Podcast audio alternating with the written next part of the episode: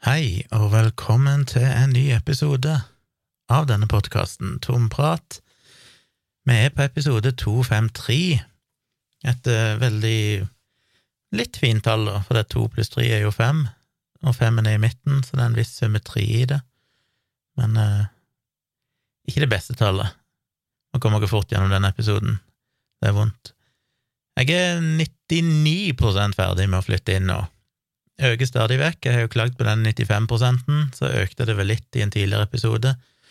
Nå har jeg eh, gjort et lite rykk her nede i min eh, lune kjellerstue, som jeg kaller det, der jeg har studio og sånn, med å få eh, skrudd opp noen knagger som jeg kjøpte på Claes Olsson, sånn at jeg fikk hengt opp litt ting på veggene, og oppdaga at det var en hel kommode ute i trappeoppgangen som faktisk hadde ledige skuffer, og den er fortsatt tom, så jeg har fortsatt litt ting når jeg kan fjerne fra kontoret mitt, for jeg har jo stabla ting oppå hverandre. Jeg har fått solgt en del bøker nå før jul. Nå er det jo for seint å bestille hvis du skal ha det i julegave, men det er fortsatt mulig å bestille, det er det alltid, på tjomli.com slash bestill. Der kan du få både lydbøkene mine, jeg har jo spilt inn begge bøkene mine sjøl, lest de inn, alle de timene det tok, så da kan dere få tilsendt lydfiler, både MP3-filer eller sånn spesielt lydbokformat som du kan bruke en, eh, importere i en lydbokleser-app eller noe sånt.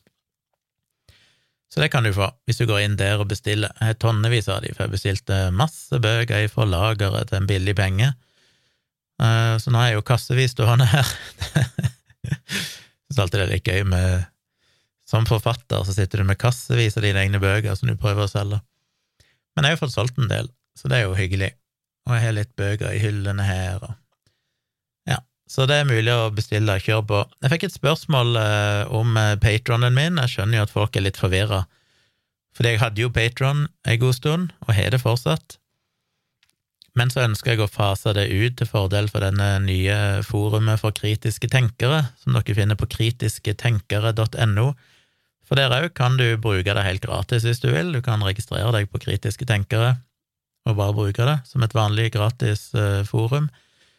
Men du kan òg støtte både kostnadene ved forumet, for det koster ganske mange tusen hvert år å bare ha tilgang til den programvaren, eller den uh, tjenesten, og så selvfølgelig støtte opp om arbeidet mitt hvis du ønsker det.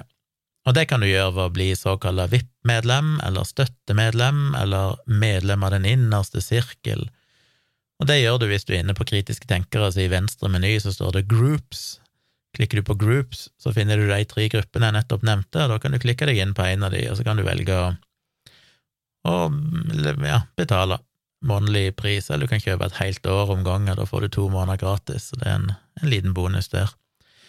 Så det er mulig. Men jeg vil jo få flytta alle patronene mine over på kritiske tenkere, og det kan ikke jeg gjøre for folk.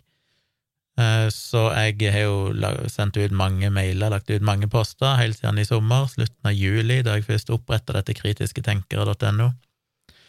Men det har vært en eh, De, de fleste har flyttet over, riktignok. Men uh, det er noen som ikke har gjort det.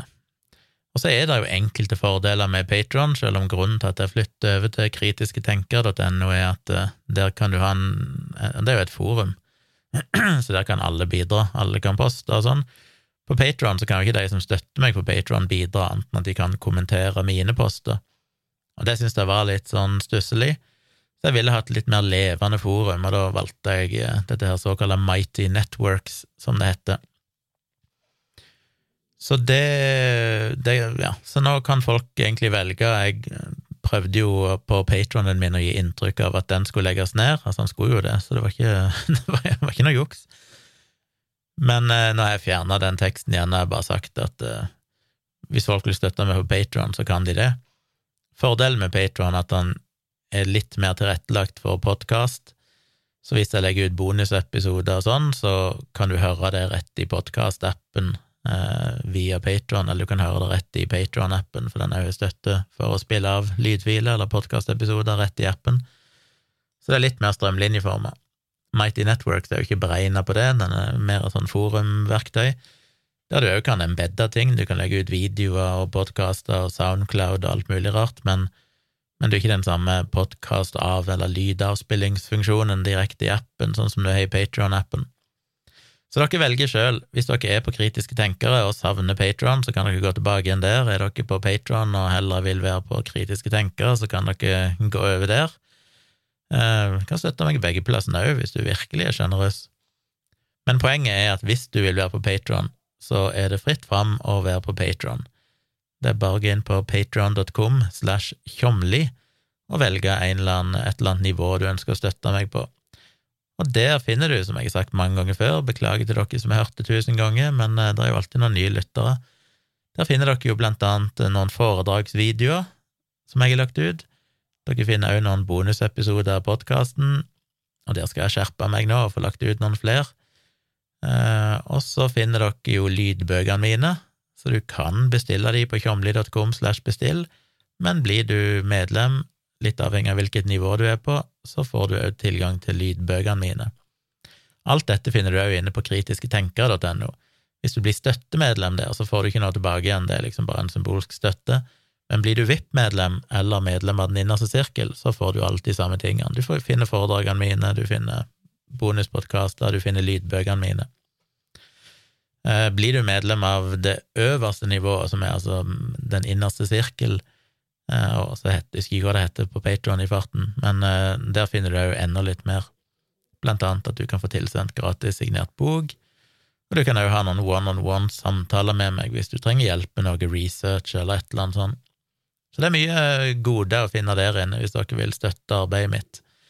Og når jeg sier støtte arbeidet mitt, så betyr det både å støtte disse to episodene i uka jeg legger ut av denne podkasten, det betyr å støtte bloggen min, Eh, det betyr å støtte livestreamene mine og YouTube-kanalen min, alle de tingene jeg driver med for å spre kritisk tenking og forhåpentligvis drive god folkeopplysning og vitenskapsformidling. Så verdsetter dere det, støtt meg gjerne, det setter jeg veldig pris på. Så jeg eh, kom meg nesten i mål med flyttinga, men eh, det er ikke alt her i verden som er helt i synk. Jeg fikk jo en innkalling for noen dager siden fra Alna bydel i Oslo, som jeg tilhørte tidligere, da jeg bodde der. Eh, da fikk jeg et innkalling til at nå kunne jeg bestille time for tredje dose av covid-vaksinen. Og det er jo litt rart, ettersom jeg meldte flytting fra og med 1. november til Vennesla. Og det er jo altså så godt som sju uker siden, iallfall over seks, da jeg fikk den eh, innkallingen. Så litt rart at ikke de har det i synk, at ikke dette vaksineregisteret, eller dette registeret for vaksinerte, er i synk med folkeregisteret. Det synes jeg er merkelig. Så jeg eh, sendte mail umiddelbart tilbake igjen og bare sa hei, du, jeg er flytta ifra Alna, så greit om dere får oppdatert registeren, og så fikk jeg faktisk svar innen en time, tror jeg, der jeg sa liksom ah, takk for det, de skulle stryke meg der. Men da ble jeg jo usikker på ligger jeg nå inne i Vennesla kommune sitt system, eller har jeg nå liksom falt mellom to stoler? Så i går så ringte jeg vaksinetelefonen til Vennesla kommune og ville bare sjekke om jeg var inne i systemet der, og det var jeg vel egentlig ikke, for da måtte de ha personnummeret mitt og navn og telefonnummer og alt, og fikk lagt meg inn, og så ga de meg en time, fikk jeg time 4. januar i samme slengen. Men hadde jeg ikke ringt, så er det ikke sikkert jeg hadde fått noen innkalling eh, i det hele tatt, kanskje, iallfall ikke på ei god stund. Så det kan jo være tips hvis det er noen av dere andre som har flytta midt i vaksineopplegget her, så ikke ta det for gitt at de har fått med seg den flyttinga. Men på den positive sida, som sagt, så har jeg fått meg en time nå. Skulle gjerne hatt det før jul, selv om det var mye å håpe på, men jeg får den iallfall rett over nyttår, så får jeg en boosterdose.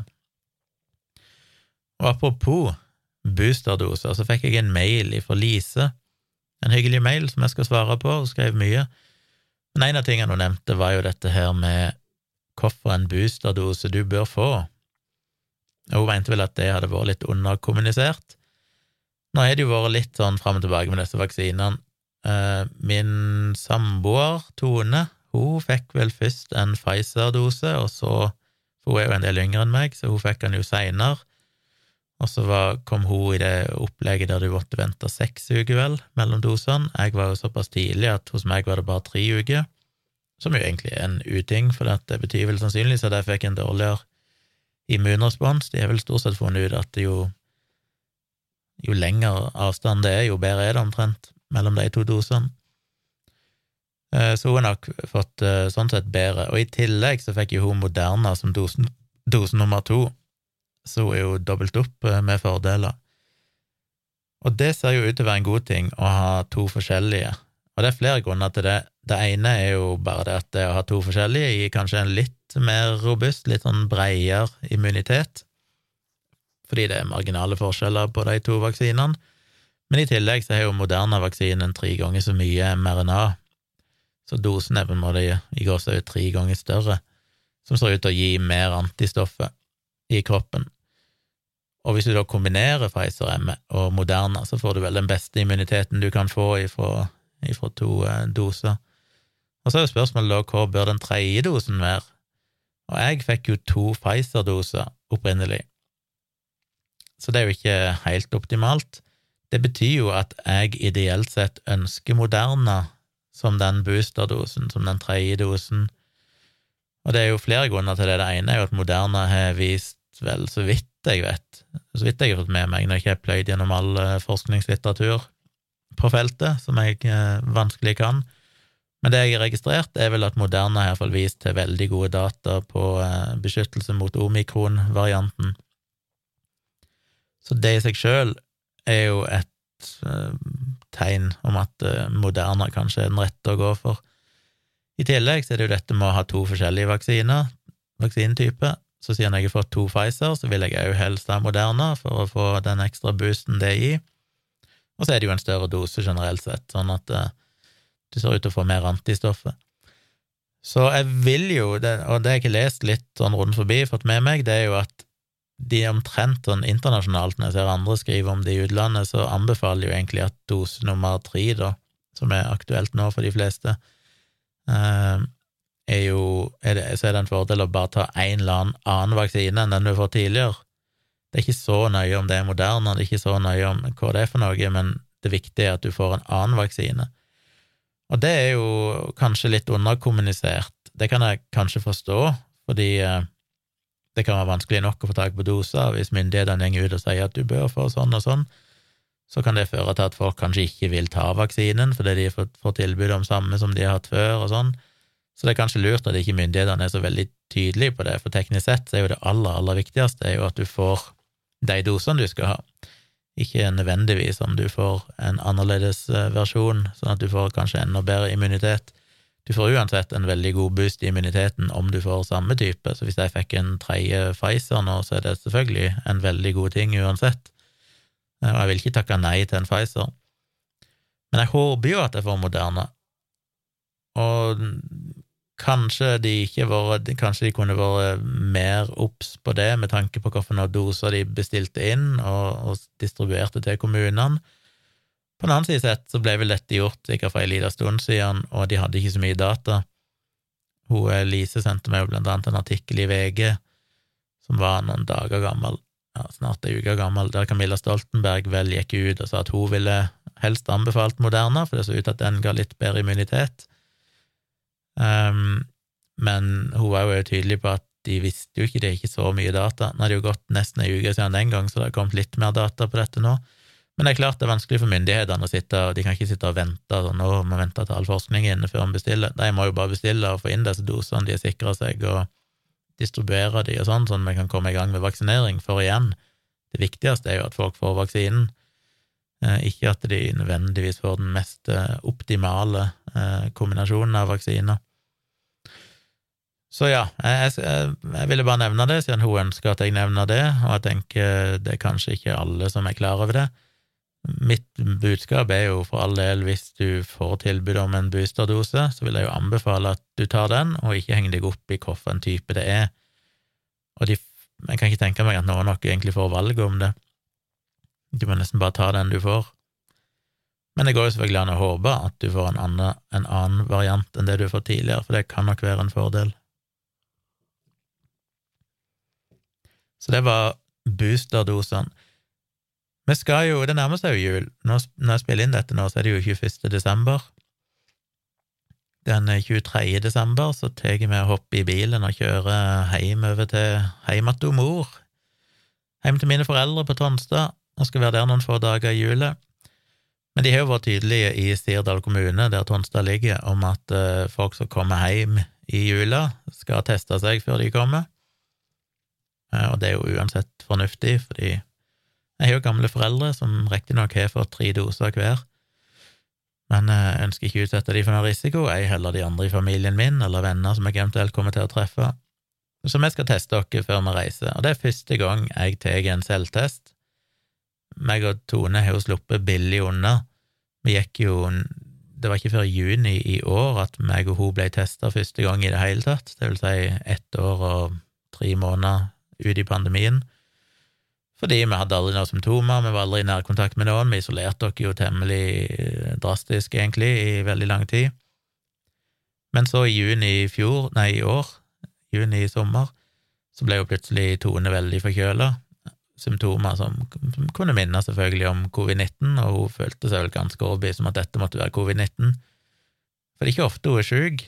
Det er vel, vel det eneste gang jeg har sett henne skikkelig sånn dårlig og forkjøla så lenge vi vært sammen, i løpet av omtrent tre år. Så hun ble jo usikker, så hun traska av gårde til et testsenter og fikk tatt seg en skikkelig PCR-test og testa negativt, så det var ikke det, da, da var det bare en kraftig forkjølelse. Og så fikk jo jeg dette her gallesteinsanfallet mitt eh, dagen etterpå, eller noe sånt, mens hun fortsatt var syk, og måtte på legevakten, og de ville legge meg inn til observasjon, men for at de skulle kunne legge meg inn, så måtte jeg testes først, og da ga de meg vel to tester, PCR-tester, oppi nesa. De måtte ha en dobbelttest for å være helt sikre på at jeg ikke var smitta med noe før de ville legge meg inn. De var jo negative, da. Men hadde det ikke vært for det gallesteinsanfallet, så hadde ikke jeg ennå sikkert blitt testa. jeg har aldri vært i noen situasjon siden den gang heller der det var noe behov for å teste meg. Eh, og sammen med selvtester, vi har jo ikke hatt noe behov for det, for vi har ikke truffet noen, vi har ikke, ikke vært i nærheten av noen i risikogruppe og sånn før nå i jula. Så nå skal vi teste dere, og jeg tenker vi skal teste dere i morgen, onsdag den 22. For det, hvis jeg noe skulle teste positivt, som ville være veldig rart, selvfølgelig, for det er ikke utsatt dere for noe og ikke noen symptomer, men det er klart, en går jo på butikken, riktignok med munnbind og sånn, men du vet jo aldri. Så hvis vi mot eh, alle statistikk, holdt jeg på å si, skulle dere og at en noe, eller begge, var smitta, så har vi fortsatt tid til å eh, få tak i noe julemat. Vi kan kanskje ikke gå ut og kjøpe det sjøl, men Se om vi kan få sendt ei handleliste til en eller annen bekjent som kan komme på døra og legge det igjen. Sånn at det går an å få lagd seg en julemiddag, sånn, for da får vi ikke reist til Tonstad. Så jeg tenker vi må ha den ekstra dagen på oss, sånn i tilfelle.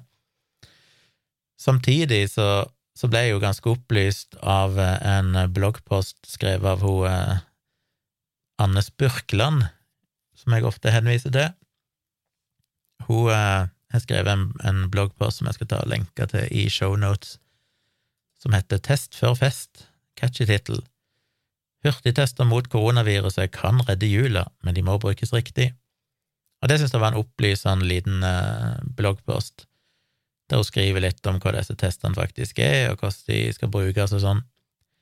Og det kanskje eh, beste sånn takeaway-poenget som hun formulerte i den, det var jo, og det hadde ikke jeg tenkt på, det var at en PCR-test den viser om du er smitta, mens en sånn eh, hurtigtest, en sånn antigen-hurtigtest, den viser om du er smittsom. Og det er to forskjellige ting. Fordi PCR-testen, den, den, eh, reagerer på si, RNA-fragmenter ifra viruset, som, eh, som du da kan ha tidlig i kroppen allerede før viruset er begynt å, å, å replikeres og, og, bli mange i kroppen. Så det vil si at du ikke nødvendigvis er smittsom på det tidspunktet. Du kan avlegge en positiv PCR-test uten å være smittsom, fordi den responderer på disse RNA-bitene i kroppen. Mens de antigen-hurtigtestene, disse selvtestene du tar hjemme, de reagerer på selve viruspartikkelen, altså hele viruset. Så den vil først reagere når du først har begynt å få virus i kroppen, og på det tidspunktet så er du smittsom. Og det var litt sånn eh, aha-opplevelse for meg. Jeg hadde ikke tenkt på det sånn før, at de testa for to forskjellige ting. Eh, men det betyr òg at ettersom det tar noen timer ifra du blir smitta til viruset begynner å replikere, så kan du altså ganske tidlig få en positiv PCR-test, eh, men, eh, men, men en sånn antigen-hurtigtest, den vil du ikke få før du har virus i kroppen. Men det betyr òg at hvis du har en negativ antigen-hurtigtest, altså en sånn selvtest, så trenger ikke det bety at ikke du er smitta. Du kan godt være smitta, det er bare ikke gått så lang tid ennå at du har fått nok virus i kroppen til at de reagerer. Og det betyr igjen at hvis du skal, som hun skriver da, hvis du skal ta en sånn hurtigtest, så bør du egentlig ta den bare noen, ja, egentlig veldig kort tid før du skal for eksempel i julefest eller treffe folk. Fordi hvis den er negativ, så er det ganske stor sjanse for at i løpet av de timene du er med andre folk, så vil du fortsatt ikke være smittsom, men så etter hvert så blir du smittsom. Så det kan jo være du får en negativ test den ene dagen, og så går du på fest, og så tester du igjen dagen etterpå, og så er den positiv. Da var du nok smitta dagen før òg, men det er ikke sikkert du var rukket å bli smittsom, for det er jo det antigen-hurtigtesten plukker opp. Og det tilsier jo sånn sett at det lurer folk å teste dere rett før avreise, på fredag, nei, på torsdag den 23., fordi hvis vi tester dere rett før avreise og har negative tester, så er vi jo mest sannsynlig ikke smittsomme når vi kommer fram til mine, min familie, og så burde vi jo egentlig teste dere igjen dagen etterpå for å se om vi fortsatt er negative. Så det er jo sånn, det blir jo fort gjort at du får lyst til å teste deg hver dag, da, for det er sånn, du vet jo aldri når du kan ha blitt smitta, men vi får se hvordan vi gjør det. Men det vil si at hvis vi, smitt, hvis vi tester dere i morgen, sånn som tanken min var, altså på onsdag, for å ha en dag ekstra til å eventuelt få tak på julemat og, og ja, bygge et lite rede her for jula hvis vi må være i karantene, eh, så kan vi jo fortsatt være smittsomme dagen etterpå, selv om vi har negativ test, for den, vi kan jo ha blitt smitta i, i så kort tid før den eh, antigen-hurtigtesten ble tatt, at ikke den rekker å reagere. Så det kan være nyttig informasjon til dere. Vær klar over det at en negativ antigen-hurtigtest um, egentlig bare sikrer deg i noen timer. Jeg vet ikke hvor lang tid de regner med, men kanskje, kanskje til neste dag eller noe sånt. Ja, sånn praktisk sett, men egentlig bare i en del timer. Så derfor bør du ta de testene veldig kort tid, egentlig, før du skal omgås med folk. Så vi får se hvordan vi gjør det. Men jeg synes det var nyttig, og jeg skal lenke som sagt den uh, lille bloggposten hennes, der hun forklarer veldig enkelt og greit hvordan dette her fungerer, og hvordan testen skal tas. Grunnen til at jeg oppdaga den bloggposten, var at det dukket opp en tweet ifra hun der hun retweeta en annen uh, fyr, engelsk eller amerikansk eller et eller annet, internasjonal tweet, som, der det var en eller annen fyr et eller annet sted i verden som hadde tatt disse, denne hurtigtesten både i svelget og i nesa. Han hadde testa negativt på den i nesa, men positivt på den i svelget, fordi omikron i større grad ser ut til å, å, å komme opp i halsen og svelget enn i nesa. Så da var liksom anbefalingen som noen skrev, da, at uh, heretter så bør en egentlig anbefale at du tar denne her vattpinnen, eller denne her dingsen, og tar den i svelget ditt først, og så tar du den opp i nesa etterpå, før du liksom utfører testen, for å få med begge deler. Det motsatte er litt ekkelt, hvis du tar den i nesa først, og så i svelget. Men uh, svelget først, og så nesa, for da får du med deg begge plassene. Så var det jo litt debatt, så jeg, i, den, i, den, uh, i svarene på Twitter, der noen sa at uh, ja, men denne her kan gi, det kan gi en falsk positiv, fordi denne testen kan slå ut hvis du har spist eller drukket spesielle ting med lav pH, for eksempel Coca-Cola, og det vil du plukke opp i svelget, da. Så det er jo litt sånn Hvis du bare tester i nesa, så kan du kanskje få en falsk negativ, fordi det kanskje ikke er så mye virus eh, eller RNA i nesa, mens det er kanskje mer av det i svelget. Hvis du derimot tester i svelget, så kan du risikere en falsk positiv, fordi det kan være det slår ut på et eller annet syrlig greie du har i halsen. Så det er litt vanskelig å vite. Men hun Anne Spjørkland eh, kommenterte det til henne, men hun mente det at ja, teknisk sett så virker det som at det kanskje kan være et problem, men hvis du venter en stund etter du har spist og drukket noe, så skal det nok veldig mye til før du kan eh, få en falsk positiv på det. Men det kan være tips om å ikke drikke et glass cola eller spise en sitron eller et eller annet. Jeg vet ikke om det var spesifikt pH-en eller om det er spesifikke matvarer, men bare generelt sett ikke spise og drikke noe. Det til og med vann kunne slå ut, forsto jeg, hvis du hadde drukket vann nylig, fordi at eh, Ja, jeg vet ikke helt hva som var greia der. Så generelt sett virker det bare som vent ei stund, iallfall, etter du har spist og drukket, før du tar en sånn test, hvis du tar den i svelget. Det er jo ikke noe relevant hvis du tar den i, i nesa. Men det gjør jo meg usikker, for det er sånn, ja, men jeg vil jo helst ha en sikrest mulig test. Så da blir jo jeg òg litt frista til å ta det både i svelget og i nesa, selv om det ikke står i instruksjonene at du skal gjøre det på den måten. Og jeg har jo ikke lyst til å ikke følge instruksjonene, ikke lyst til å gjøre det feil. Så, men nå gikk jo hun Anne Spjørkland ut og egentlig sa på Twitter at hun mente at det burde folk gjøre, så får se hva jeg ender opp med å gjøre. Kanskje jeg gjør litt begge deler. Teste ut begge variantene. Um, som jo egentlig er idiotisk, for da Da vet jeg aldri hva som egentlig forårsaker at jeg eventuelt skulle få en positiv, da, om det var at jeg faktisk er blitt smitta i mellomtida, eller fått nok virus i mellomtida, eller om det er metoden. Men det føles nesten litt rart å ha testa seg så lite. Dattera mi har jo testa seg mange titalls ganger i løpet av det siste året, fordi de har jo hatt sånn testregime på skolen, og så stadig vekk er det en eller annen som er smitta, som alle tester seg, og så har hun vært ganske mye forkjøla i høst eh, og testa seg gjentatte ganger, for det er hver gang hun får symptomer, så må hun ta en test. To tester. Så det har hun jo testa seg i hytt og pinevær. Og jeg føler jo det er mange andre òg som jobber i mer utsatte yrker, sånn som tester seg kronisk. Eh, når jeg hører på den podkasten med Mark Maron, WTF, som jobber med som delvis òg som skuespiller i, i, filmer og TV og sånn, når de er på sett, så må de jo teste seg hele tida. Det er jo så strenge tiltak på alle disse filmsettene og sånn. Så det virker som det er mange i befolkningen som tester seg hele tida. Sikkert noen av dere som lytter, som jeg sikkert tester dere tusen ganger. For meg så har jeg hatt én eh, PCR-test, som sagt, som bare var fordi jeg skulle legges inn eh, over natta til observasjon, og ellers har jeg ikke testa meg i det hele tatt.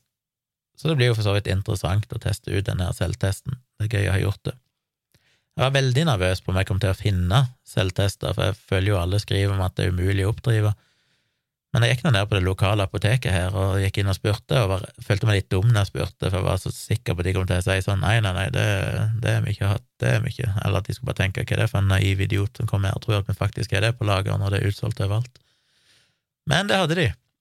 De hadde blant annet fivepacks. Jeg kjøpte to fivepacks fordi det kommer til å gå med litt testene. Både meg og Tone skal teste dere kanskje to og tre ganger i løpet av den turen, og dattera mi skal teste seg, og litt sånn, så kjekt å ha.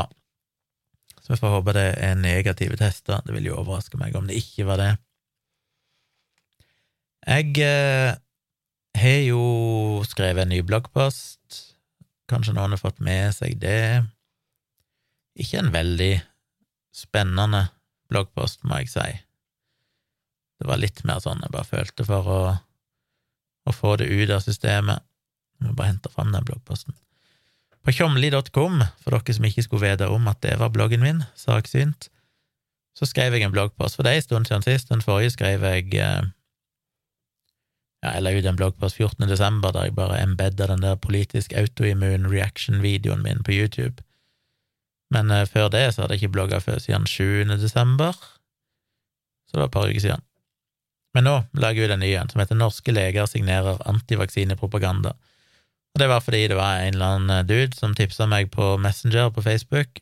Han sendte meg eh, link til denne sida, så at han så den begynte å spre seg litt rundt i, i Norge.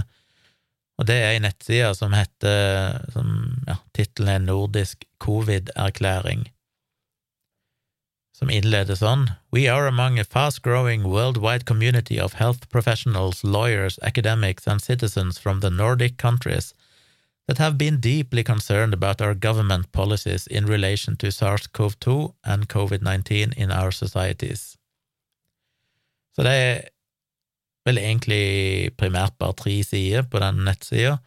Det er ei forside med masse informasjon, det er ei side med ei liste over alle signaturene, og så er det ei side med selve denne erklæringa, som de egentlig teknisk sett signerer, selv om det står mye mer på den nettsida. Og grunnen til at jeg skrev om den, er fordi på denne nettsida så var det jo signert av en del nordmenn, og blant annet da en del nordmenn som hevder at de er leger. Og i den signaturlista så er de skilt mellom de som har kryssa av på at de sjøl er lege, og på liksom vanlige folk som òg kan signere. Alle kan signere hvis de støtter dette. Så jeg eh, skrev denne bloggposten, og så lista jeg opp alle de norske legene, jeg må jo si leger i gåsehauget, fordi det jo viser seg at uh, kanskje ikke alle egentlig er leger, selv om de hevder at de er det. Uh, og så skrev jeg at uh, ja, støtter dere virkelig dette her? Fordi denne erklæringen tar jo for seg fire hovedpunkter. Punkt én er at alle lovendringer som er kommet i kjølvannet av det de kaller for covid-fiaskoen, må avvikles omgående. Teksten på den nettsida på engelsk, så dette er min oversettelse. Så alle lovendringer som er kommet, altså, må, må avvikles eller reverseres. Det andre hovedpunktet er at strategien med testing, isolasjon, karantene og maskepåbud for friske individer må avvikles omgående. Punkt nummer tre er at myndighetenes massevaksinering mot SARS-CoV-2 må avvikles omgående. Og punkt nummer fire, all bruk av koronapass må avvikles omgående. Og da skriver jeg i bloggposten at eh, fordi nå er jo jeg stort sett vel enig med myndighetenes håndtering av pandemien, men samtidig så er det jo helt legitimt å ha en debatt omkring disse tiltakene. Så jeg skriver i bloggposten at punkt 1, 2 og 4, altså dette med lovendringer, dette med strategien ved testing og sånn av friske individer, og dette med koronapass, det er selvfølgelig kan du ha en legitim debatt om det, og det går an å være motstander og mene at myndighetene er gått for langt. Men punkt nummer tre, som handler om at massevaksinering må avvikles omgående, den har jeg jo problemer med. Fordi, som jeg også skriver i bloggposten, ja, selvfølgelig er det aspekter ved massevaksineringen det er fullt legitimt å debattere. For eksempel, trenger folk som ikke er i risikogruppe, og som er relativt unge, er det noe vits i at de tar en dose nummer tre? Eh, de er jo allerede relativt godt beskytta med to doser. Eh, mot alvorlig sykdom, eller de er egentlig veldig godt beskytta mot alvorlig sykdom, og litt beskytta mot smitte. Men det er liten sjanse for at de skal bli alvorlig syke så lenge de har to doser, sjøl med omikron-varianten. Så er det egentlig riktig at de skal få en tredje dose. Du kan òg diskutere dette med å vaksinere de minste barna. Er det riktig? Har det noe for seg? Jeg har jo mine meninger om de tingene der, men poenget er at det er legitime spørsmål. Selvfølgelig så kan en diskutere akkurat det, men det er jo ikke det denne erklæringen sier. De sier at du skal avvikle all massevaksinering mot SARS-CoV-2. Den spesifiserer ikke noen spesielle grupper. I teksten på nettsida så er han jo riktignok mest fokusert på unge, at unge ikke må vaksineres, og det får jo litt sånn følelse av sånn uh, think of the children, uh, argumentasjon som er mest av alt en appell til følelser mer enn rasjonalitet, eh, og jo litt basert på at blant unge så er det jo sånn her eh, bivirkningen med, med myokarditt og perikarditt kommer fram, mens hos voksne så er det jo egentlig ikke funnet noe annet enn disse eh, sjeldne blodsykdom, blodpropp-tilfellene med AstraZeneca-vaksinen, men det er jo ikke relevant i Norge lenger. Så det er kanskje derfor de vinkler det mest mot unge. Og bare for å understreke det igjen, da, nå kom det jo ny, nettopp en ny studie publisert i Nature der de så på x antall millioner vaksinerte, og fant jo det at ja, det er en liten forhøyet risiko for myokarditt og perikarditt, spesielt hos unge, unge menn eller unge gutter, men risiko, risikoen for de to sykdommene er mye høyere hvis du faktisk får covid-19, så derfor anbefaler de jo selvfølgelig fortsatt å vaksinere unge òg. Uh, så ja, det var det jeg skrev om, og poenget mitt som jeg prøvde å gjøre så tydelig som mulig, var at det er legitimt å diskutere mye av dette, men kan virkelig norske leger, som har gått gjennom en medisinsk utdannelse, mange av de jobber som allmennleger rundt om i forskjellige kommuner, kan de virkelig gå god for de poengene som står i denne erklæringen og på den nettsida? For der, i selve erklæringen, så står det We, the signatories of this declaration, find the veritable explosive increase of adverse reactions and deaths from the COVID 19 mass vaccination campaigns in our societies that now includes children and young people to be unacceptable. Så der hevder de altså at det er en massiv eksplosjon av alvorlige bivirkninger og dødsfall etter covid-vaksinering, som jo er reinspikka tøv. Det er noen veldig sjeldne tilfeller av alvorlige bivirkninger. Ekstremt sjeldent, så sjelden at det er ingen helsemyndigheter som mener at det er nok til at, du ikke bør, at ikke risikoen eh, ved å ikke vaksinere seg langt overgår risikoen ved å vaksinere seg. Eh, men når det gjelder dødsfall, så er det jo ikke registrert så godt som et eneste dødsfall. Det kan være, som jeg var innom tidligere og blogga om, at noen får de aller mest skrøpelige, de aller eldste, kan ha dødd som en konsekvens av vaksinen. Eh, det er jo da folk som er totalt pleietrengende og har masse underliggende sykdommer, og da kanskje en sånn lett feber eller betennelsesreaksjon fra vaksinen kan være nok til å ta livet av de sammen med alt det andre de har. Men det er jo eh, folk som ikke er representative, holdt jeg på å si. Det vil jo være noe nyttårsfår av de mest skrøpelige, som er holdt på å si, på dødens eh, rand ifra før. Kanskje en kan si at eh, noen av de, vi vet jo ikke sikkert, men det, det er nok ikke usannsynlig at noen av de dødsfallene kan skyldes vaksinen. Men bortsett fra det, hos så godt som alle andre mennesker på kloden, av de milliarder eh, av mennesker som er vaksinert så langt, så er det jo ikke registrert omtrent et eneste dødsfall. Det er uhyre sjeldent.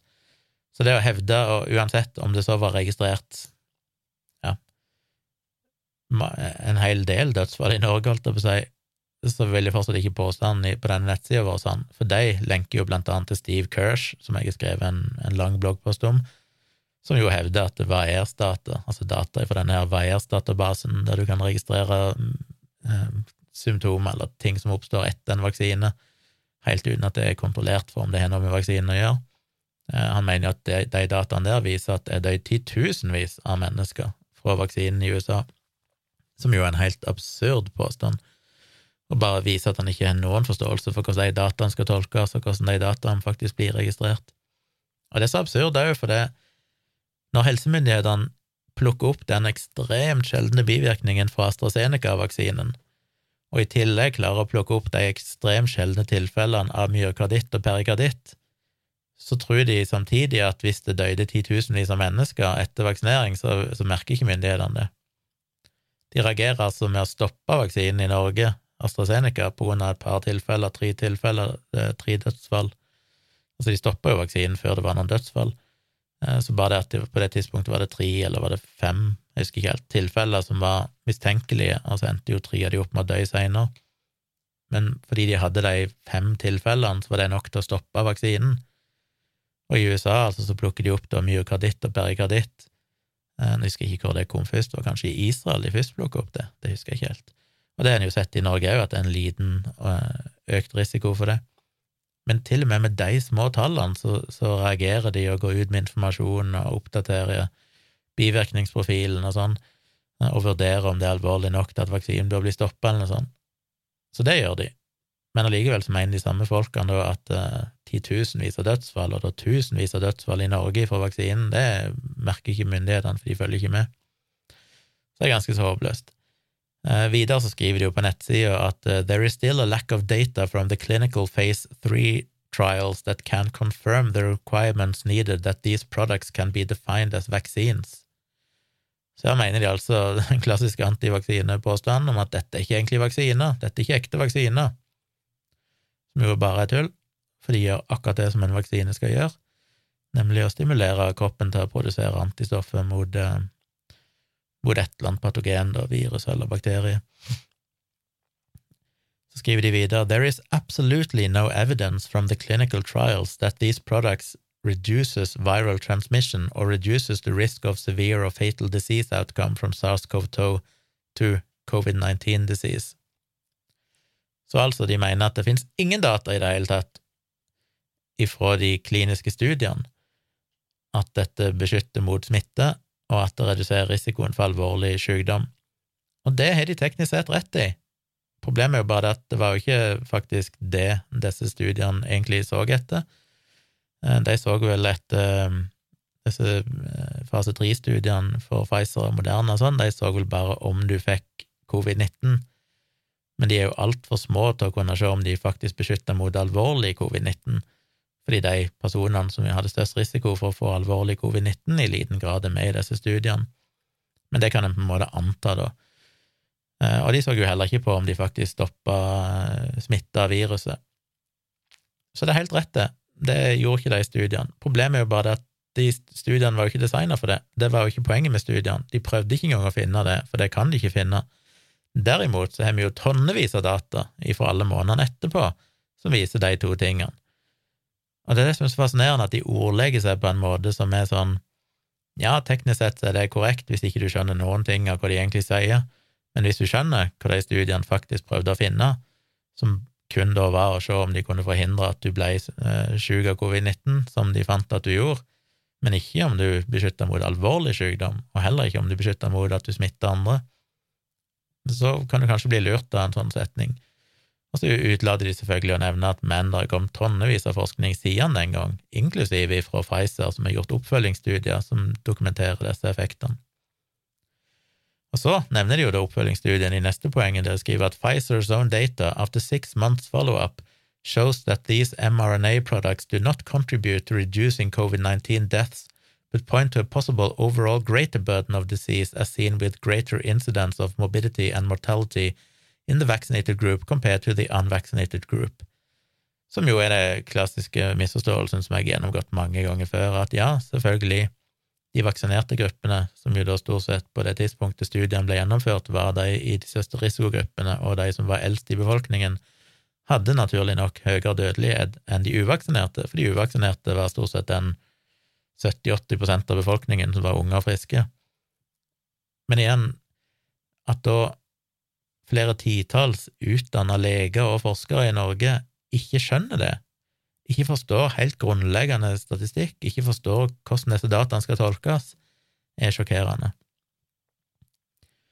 Og så skriver de, som jeg bare er parafrasert, for det er mer sånne ting de skriver rundt forbi på, nettsida, så skriver de for eksempel at eh, de henviser til Veiers-data da, for å hevde at mange, et enormt antall mennesker har blitt skada og har dødd av vaksiner. Eh, de påstår at mRNA-vaksinene er eksperimentelle, selvfølgelig. Eh, de påstår jo at dette ikke egentlig er vaksiner. De påstår at det er svært høye antall unge som får hjertesykdom fra vaksinene. Det er jo tull. På ingen slags måte svært høye antall. Eh, de påstår at det er en betydelig økning i unge som får nyresvikt fra vaksinene.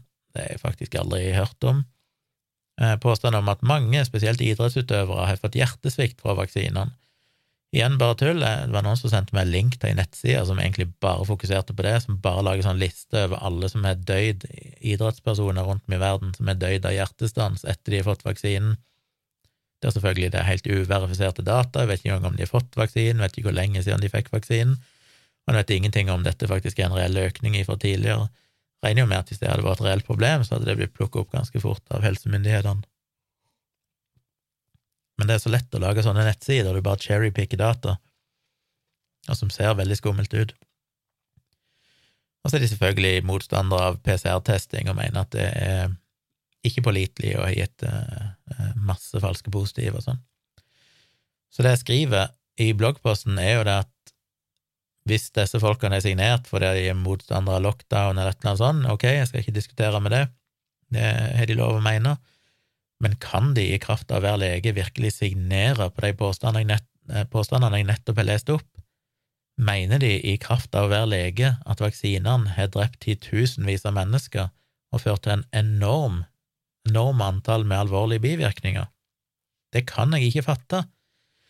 Og så er det klart, så ser en på lista over disse legene, så gjenkjenner en jo noen navn. Det er jo de klassiske Sigurd Nes, for eksempel, eh, som jo har vært med i denne her som er jo mer eller mindre antivaksine generelt sett. Eh, hvem andre var det som jeg kjente igjen her sånn i farten? Ja, nå husker jeg ikke hvem andre det var som jeg reagerte på. Men du ser jo, når du har sånn som Terje Eugen Holte, alternativmedisiner og lege, så kan en jo tenke seg hvor han ligger hen. Og så viser det seg jo at noen er ført opp flere ganger, sånn som det er en som heter Kjetil Johansen, som er allmennlege i Harstad. Han står jo tre ganger i den lista. Og det var vært én ting om han sto tre ganger som en vanlig person, men når du står tre ganger i den lille lista over faktiske leger, som jo ikke er så veldig lang, så booster det jo tallene ganske mye. Uh, og så er det jo andre etter Løyd bloggposten som har begynt å sjekke litt, og mener at uh, en del av det her stemmer ikke der folk de sjekker rundt i kommunen sin, der det står at de jobber, og det er ingen som kjenner noen lege der som heter det navnet og sånn. Og det er jo vanskelig for meg å verifisere. Jeg har jo bare tatt utgangspunkt i de signaturene som er der, og regner jo med at hvis noen skulle være ført opp mot sin vilje, i det minste, så gir de meg beskjed, For det er jo det en interessant bloggpost eh, å komme med i ettertid, og bare vise at disse listene er, er ganske upålitelige, selvfølgelig. Og det vil jeg anta han er. Så her finner du både navn som går igjen, også, som sagt, og folk som mest sannsynlig ikke er lege, kanskje noen av de ikke eksisterer engang, jeg vet ikke.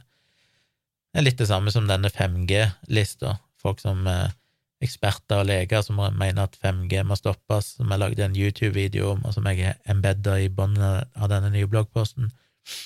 Der jeg gikk inn og så på lista, og fant jo hvor ufattelig mange av de som ikke var pålitelige leger, det var alternative behandlere og sånn. Eh, I tillegg til at jeg sendte inn en signatur sjøl og kalte meg for en belgisk lege, og den ble jo umiddelbart inkludert i den lista, så de, de gjorde jo ingen faktasjekk på om disse navnene stemmer eller ikke. Så det er ikke så mye å, å stole på. Men jeg blir jo deprimert. Eh, nå skriver jo selvfølgelig at den, nå skriver de på nettsiden at denne denne erklæringen baserer seg mye på disse gruppene som heter Frontline COVID-19 Critical Care Alliance, for eksempel, som jo er ei gruppe som er promotert Ivermectin og sånn i lang tid, og som egentlig bare driver og svindler folk for penger for å selge de Ivermectin og sånn. Er også et for Doctors for Covid Ethics, det tror jeg ikke jeg har hørt om. Du har World Doctors Alliance, som jeg har blogga om tidligere, der flere av de legene som har stått fram som del av World's World Doctors Alliance har jo mista jobben rundt forbi, for de har jo drevet og spredd konspirasjonsteorier og antivaksinebudskap i, i sosiale medier, og det har fått sparken rundt om i verden, for de kan ikke drive på på den måten. Heart Group, American Frontline Doctors, COVID-19 Assembly, Brownstown Institute, The German Corona Investigative Committee, Daily Expose, Collateral Global and Covid, altså et eller annet fransk greie. Eh, og flere av de, som Daily Exposé og Brownstone Institute, det er jo bare sånne adhocforeninger. Det gjelder jo for World Doctors Alliance og, og Frontline COVID-19 Critical Care Alliance og alt dette her òg. Jeg vil tro de fleste av disse gruppene her er jo sånn som er blitt oppretta spontant etter pandemien brøt ut. Og så gir de seg et navn sånn som World Doctors Alliance. Skal høres veldig seriøst ut, skal nesten høres ut som Verdens helseorganisasjon, men det er jo bare en gjeng med, med alternative leger som har ko-ko synspunkter tror at Bill Gates skal drepe alle mennesker på denne kloden, og tilfeldigvis da er klart å kare seg gjennom en medisinsk utdannelse i tillegg. Så det høres jo seriøst ut med sånne titler, men det er jo bare bullshit. Daily Exposé er vel bare ei nettside som har bare drevet og spredd konspirasjonsteorier og antivaksinebudskap, men det støtter de seg jo til her, da, på denne erklæringen. I tillegg så skriver de jo at de i stor grad bygger seg på Great Barrington Declaration, som jo er ganske sjokkerende. Jeg mener, Great Barrington Declaration kom jo tidlig i pandemien som en sånn opprop om at en burde ikke ha noen smitteverntiltak, det skulle ikke være noen lockdown, det skulle ikke være noen munnbind og alt dette her.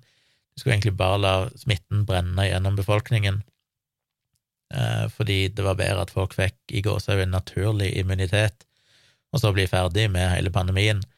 Eneste du skulle beskytte, var at du skulle beskytte de liksom veldig gamle og svake i befolkningen, men resten av befolkningen skulle bare ja, skulle bare bli ferdig med det. Og det er jo fortsatt noen, sjokkerende nok, som mener det, på tross av at eh, det er ganske fascinerende at du i 2021, slutten av 2021 kan se på dataen og tenke at det er en fornuftig strategi, når vi ser at sjøl med smitteverntiltak, sjøl med munnbind, sjøl med sosial distansering, og til og med med vaksiner, så er vi jo nå over 18 millioner dødsfall i verden, og det er så godt som utelukkende overdødelighet. Det er jo bare å tenke litt på det. Det er ikke snakk om at det er 18 millioner mennesker som er døyd av andre ting enn det de ellers ville døyd av. Det er 18 millioner mer enn det som normalt dør i samme periode, som da er covid-dødsfall. Eh, I tillegg så har vi jo sett at det klarer ikke å beskytte gamle. Eh, Sverige kjørte jo litt på den strategien i starten, jo de kjørt mer smitteverntiltak og sånn enn det Great Barrington Declaration la opp til. Men de hadde jo i lang tid en strategi som egentlig i stor grad gikk på å prøve å isolere gamle på sykehjem og sånn, men ikke gjøre så mye annet i befolkningen. Funka jo veldig dårlig, det har de jo tatt selvkritikk på i ettertid. Det førte til at der er jo fem, over 15 000 mennesker døyd. I Norge er det døyd så vidt over 1000, og de er omtrent dobbelt så mange i befolkningen. Do the maths.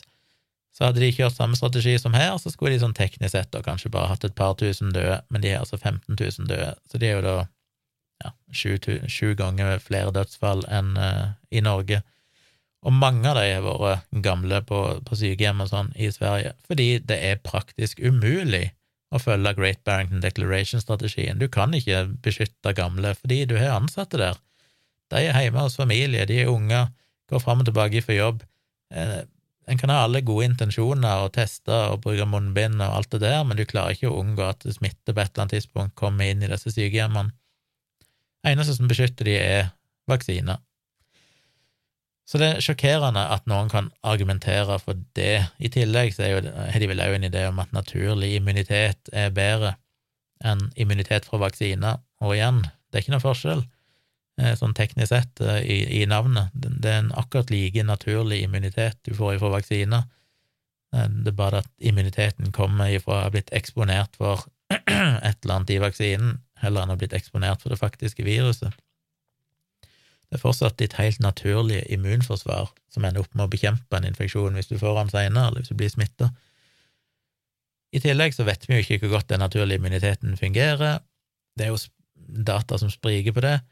Noen data har jo vist at det ser ut at vaksiner beskytter bedre enn naturlig immunitet. Andre data peker i motsatt retning. Det vi iallfall vet ser ut å vite, er vel at naturlig immunitet, for å bruke det begrepet, eh, riktig begrep er vel å bruke virusindusert immunitet eller noe sånt, eh, at den er veldig varierende. Den kan variere med Altså antistoffene du får, kan variere med en faktor på mange tusen.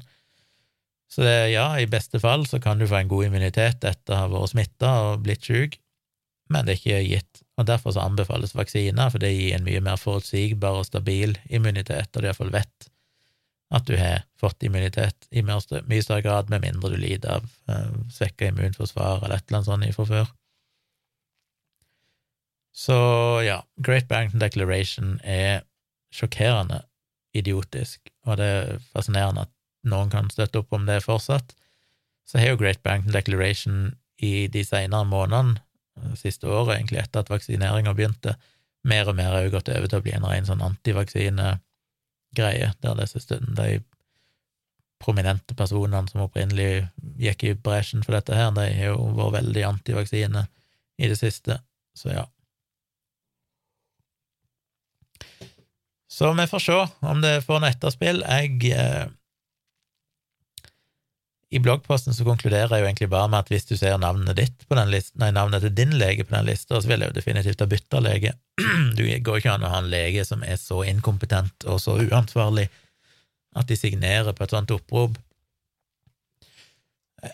Kan jo i beste legge godviljen til å tenke at noen av de kan ha signert, bare fordi at de er kritiske til myndighetenes håndtering, og så har de ikke egentlig lest hva som står der, og ikke sikkert de egentlig går god for alle påstandene om vaksiner og sånn.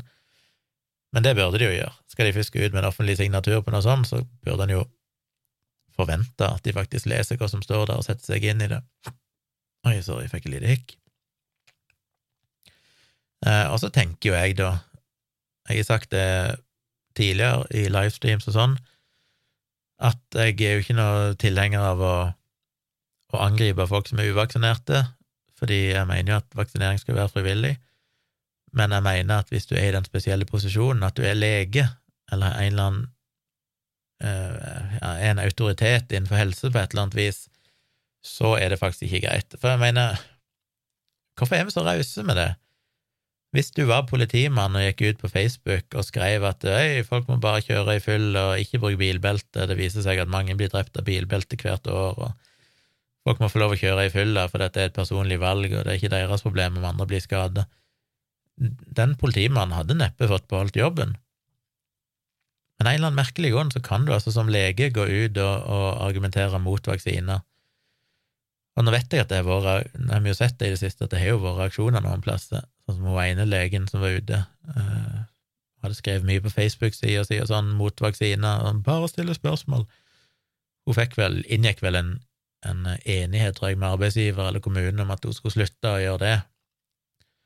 Men det er jo nok av andre leger som driver med det samme, så jeg må jo si at jeg jeg er ikke noe veldig glad i det der å gå etter jobben til folk, men det, det kommer til et punkt der det blir såpass alvorlig, der du er såpass i strid med den eden du har tatt, holdt jeg på å si, og, og, det at samfunnet har betalt utdanninga di i mange, mange år, at uh, en må kunne forvente at du faktisk forholder deg til vitenskap, at du har lært deg å, å lese vitenskap. Hvis du hvis du kan tro at mange titusener av mennesker har dødd av covid-vaksinen i USA, og du tror at vaksinen ikke virker og er farlig, da har du jo egentlig strøket i kunnskapen på å kunne lese forskning og forstå statistikk. Og jeg blir jo alltid overrasket over at disse menneskene besto en eksamen. Jeg blir jo litt oppgitt over at det virkelig er mulig å bestå en eksamen og være så totalt inkompetent i ettertid. Ja da, jeg skjønner at det er mer komplekst enn det, og at de kan være flinke på andre ting, men i så fall er det noe galt med, med eksamineringsprosessen der, med at ikke de ikke blir testa godt nok på sin forståelse av disse typer tingene. Eh, selvfølgelig kan det være de forstår det, men de er hjernene er blitt hijacka av en eller annen konspirasjon. Uansett så, så, håper jo jeg, som jeg skriver i bloggposten, at arbeidsgiveren kanskje tar en prat med de, for det tenker jeg eh, må på plass. Så vi får se om det får noe etterspill. Denne bloggposten fikk jo mange lesere, og det gjør meg jo litt deprimert, for det er sånn jeg har skrevet flere bloggposter i det siste året som jeg har lagt ekstremt mye arbeid i, og som jeg føler er ekstremt viktige og informative for de som er nerdete nok til å gidde å synes sånt interessant og vel å merke. Og de får ikke så mye lesere.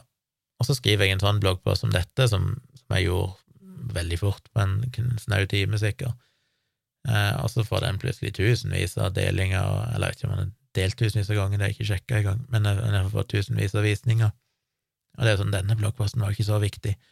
Men det engasjerer, vet du, for det er litt sånn konfronterende og, og skaper konflikt, og det er jo litt synd, da, at det er det som plutselig fenger folk. Grunnen til at jeg skrev det, var jo mer en sånn egentlig som et genuint spørsmål. Jeg har jo håpet at noen av de legene på den lista faktisk skal lese min bloggpost og kan svare på sånn er dere egentlig klar over hva dere er signert på? Det er jo det jeg vil ha fram.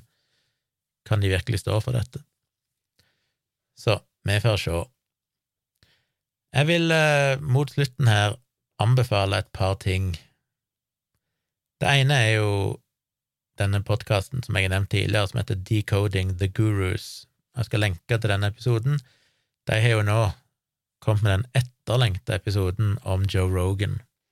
En over tre timer lang episode der de går gjennom uh, Joe Rogans, uh, noen av hans nyere episoder, som de mener er representative for det han, måten han snakker om ting. De demonstrerer jo ganske tydelig ut ifra ting han sier, at han er jo definitivt ganske langt ute på høyresida.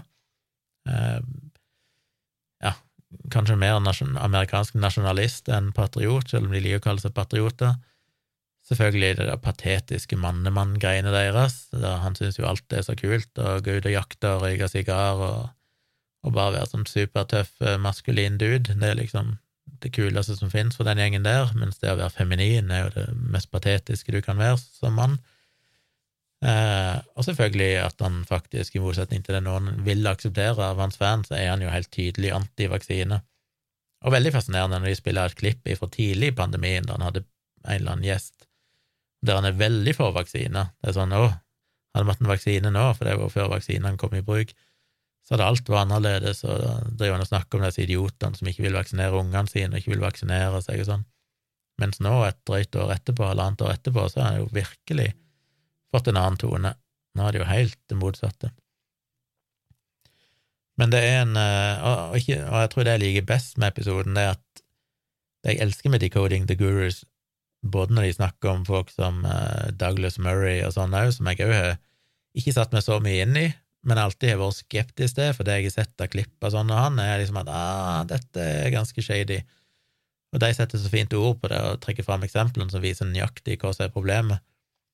Og det gjør de med Joe Rogan òg, den måten han mener at han har researcha dette med covid-pandemien nå i, i, i halvannet år, og han mener han er så velinformert, det er ikke måte på, han har samla så mye artikler og lest gjennom alt av forskning og sånn, og det er det han tror, men viser, de viser så tydelig hvordan det er den der klassiske Det er jo akkurat det samme med sånn 5G-fornektere og sånn òg, eller 5G-motstandere.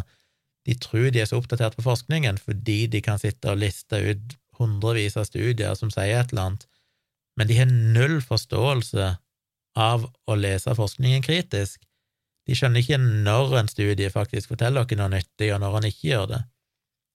Og de følger ikke forskningen over tid for å se om de tidlige resultatene, om denne tidlige preprinten av en eller annen studie i, i april 2020 faktisk er litt motsagt av andre studier seinere. For hvis den studien i april 2020 sier det de ønsker å tro, så er det den de klorer seg fast til. Og Det er sånn ekstrem cherrypicking og sånn ekstrem inkompetanse, og det er jo det som er så frustrerende, det er så ekstremt Dunning-Kruger-effekt, der han, han, han, tror han er så komplett oversikt over hele fagfeltet nå, og kan stille alle til vekst fordi han kan sitere tall og data i øst og vest som bare bekrefter det han ønsker å tro på, men han mangler den der fundamentale skeptisismen. Han mangler bare totalt evnen til å, å lese disse dataene kritisk og forstå hva de egentlig forteller oss. Så han kommer jo bare med påstand etter påstand som er direkte feil, fordi at han ikke skjønner statistikken, mange av de tingene jeg snakker om i denne podkasten og blogger om opp gjennom de siste månedene. Så hvis du har noe som helst tiltro til Joe Rogan, eller hvis du er fan av han på noe selvs vis, og du virkelig via, via de tre timene til å høre denne episoden der, for forhåpentligvis få et litt annet perspektiv. Og òg om du syns Joe Rogan er en fjott, så, så er det ekstra gøy å høre den episoden. Nå må jeg jo understreke at Joe Rogan har sine kvaliteter. Han er en god intervjuer. Han har hatt mange spennende, gode gjester. Eh, han er tidvis modig. Han kan liksom eh, tale imot folk som kanskje egentlig er på hans side, og stiller de kritiske spørsmål og sånn, så han er mye bra ved seg. Det er ikke rart at han er blitt populær, men det er synd at når han er så populær, at han får det der egoet til at han tror at da kan han plutselig ja, Han har jo tross alt så enormt mange lyttere at når han går ut og sier ting om vaksinene, så er det ekstremt mange som tror på det. Når han går ut og promoterer Ivermektin eller et eller annet sånt, så er det mange som tror på det. Og så er det jo fascinerende hvordan han hele tiden snakker om disse rike folkene, og det er så typisk, uten å nevne at han sjøl er multimillionær. Jeg mener, han fikk vel 100 millioner dollar eller noe sånt av Spotify for å flytte podkasten sin over der. Han, han, liker å være en mann av folket, men nevner liksom ikke at han sannsynligvis er milliardær. Så ja, skal ikke si så mye mer. Det er en, en god episode. Og jeg anbefaler jo generelt sett Decoding the Guru, som tar for seg eh, alt ifra Gwyneth eh, Palthrows eh, Goop, for så vidt en episode jeg ikke har hørt, til som sagt James Murray til Nei, Douglas Murray til James Lindsay til Sam Harris til ja, Weinstein-brødrene flere ganger, og hele den gjengen, da, med disse såkalte moderne guruene som bygger opp en sånn følgermasse fordi folk tror de er så jævla logiske og intellektuelle, og så egentlig bare driver de og er jo egentlig bare å sitte og, og digge seg sjøl, og ikke egentlig være skeptisk i det hele tatt, og mer eller mindre konspiratoriske. Eh, så det er den ene jeg anbefaler. Den andre jeg anbefaler, er en YouTube-video av en eh, dude som kaller seg for ZDogMD på YouTube han er vel lege. Jeg har sett han, eh, så noen videoer han før i tid, for et år, to år siden, eller sånn. Han, han gjør mye kult, mye kritisk på uh, mye sånn skeptiske greier. Høy kvalitet på videoen. Jeg falt vel litt av, for jeg føler òg han kan være litt sånn uh, Han kan være jeg er ikke helt på bølgelengde med han alltid. Jeg føler vel at han òg er litt sånn for uh, Litt for Ja, hva skal jeg si? Jeg vet ikke om jeg kan sette ord på det. Det er bare ting med det han gjør, som jeg føler er litt sånn Herregud, jeg vet ikke hvordan jeg skal forklare det. Et eller annet som skurrer for meg. Jeg får bare si det, så får dere sjøl se hva dere syns.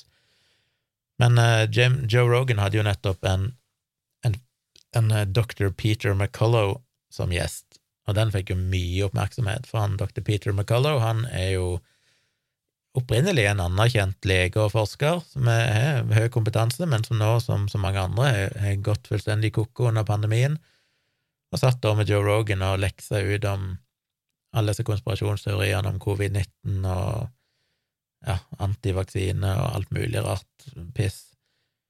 Og det er jo igjen forferdelig trist, da, at eh, Joe Rogan har så stor uh, følgermasse, der folk tenker at dette er en fagperson, han må vi lytte til, og hvis han sier disse tingene, så høres jo det logisk ut.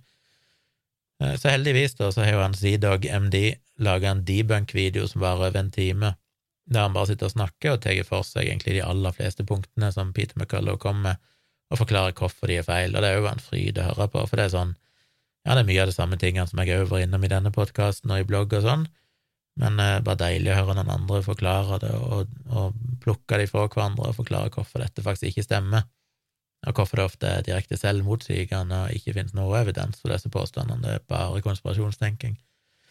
Så skulle du tilfeldigvis ha sett, den, eh, sett eller hørt den episoden med dr. Peter McCullough hos Joe Rogan, så vil jeg anbefale deg å høre den debunken da på YouTube ifra ZDog MD, som jeg skal ta og lenke til, så dere lett kan finne den i shownotes. Det var vel det jeg hadde på hjertet for i dag. Um, så blir det nå? Nå er vi jo på her, ja. Det blir vel ikke noen episode på fredag, fordi på torsdag, når, torsdag kveld, da jeg normalt spiller inn eh, fredagsepisoden min, så er jeg jo på Tonstad, og kanskje ikke en episode på mandagen heller, for da er vi heller ikke kommet tilbake igjen, så det blir nok ei drøy uke, kanskje, til neste episode av denne podkasten. Men det er jo episode 253, så dere kan jo alltid høre tidligere episoder hvis dere skulle savne stemmen min. Jeg kommer til å livestreame i kveld, altså tirsdag 21. desember. Håper dere har lyst til å joine meg på livestreamen. Eh, og kanskje jeg skal, hvis noen av dere har lyst til å være live gjest i kveld, så skal jeg prøve å få med noen av dere. Jeg snakket om det i forrige livestream, at det var noen som hadde lyst til at jeg skulle gjøre det. Da kan jeg sende dere en link dere kan klikke på, så hvis dere har webcam og, og headset, så kan dere joine meg Eh, rett i nettleseren. Trenger ikke noe egen programvare eller noe sånt, du bare går inn på nettleseren, og så på den linken, og så kan du komme inn i streamen min som gjest. Så kanskje vi gjør det. Eh, og så blir, vel, blir, det vel heller ikke noen ny livestream da for en eller annen gang ut i neste uke i romjula. Eh, jeg tror jeg skal komme med en episode i romjula, og minst én livestream, kanskje flere, i romjulet. Litt òg fordi jeg har bestilt noe nytt uh, lysutstyr og sånn til studioet mitt, som jeg håper skal kunne gi et enda bedre bilde og sånn enn en tidligere, det må jeg jo få teste ut i en livestream, så, så koser meg i romjula med å rigge opp det og teste ut. Så jeg håper dere vil følge meg på livestream, jeg setter pris på at det er mye folk eh, som er der. Håper dere setter pris på denne podkastepisoden og podkasten generelt sett. Det går an å maile meg på tompratpodkast at gmail.com tompratpodkast i ett ord, altså, der podkast skrives med c, at gmail.com. Send inn spørsmål, send inn tilbakemeldinger, eh, kritikk hvis jeg har sagt noe feil, korreksjoner, alt det der. Sjekk ut bloggen min på tjomli.com, les de siste bloggpostene der. Og så blir jeg alltid glad om dere deler podkast og deler bloggposter og sånn. Um, og selvfølgelig gå inn og rate meg på Apple Podkast eller andre plasser. Det er jo veldig hyggelig, og vil dere virkelig være snille med meg, så, så bestill dere bøker, eller bli VIP-medlem, eller Patron, eller et eller annet sånt som jeg snakker om. Det betyr mye for meg. Så takk for at dere lytta atter i gang. Eh, da tror jeg jeg runder av. Dere får ha ei veldig, veldig god jul, rett og slett, siden dette blir siste podkasten, iallfall før jul, selv om jeg kanskje ser noen av dere i livestreamen. Eh, ha en god jul, kos dere, vær snille med hverandre, og ikke glem vekk at jeg er tilbake igjen i romjula med en ny episode. God jul!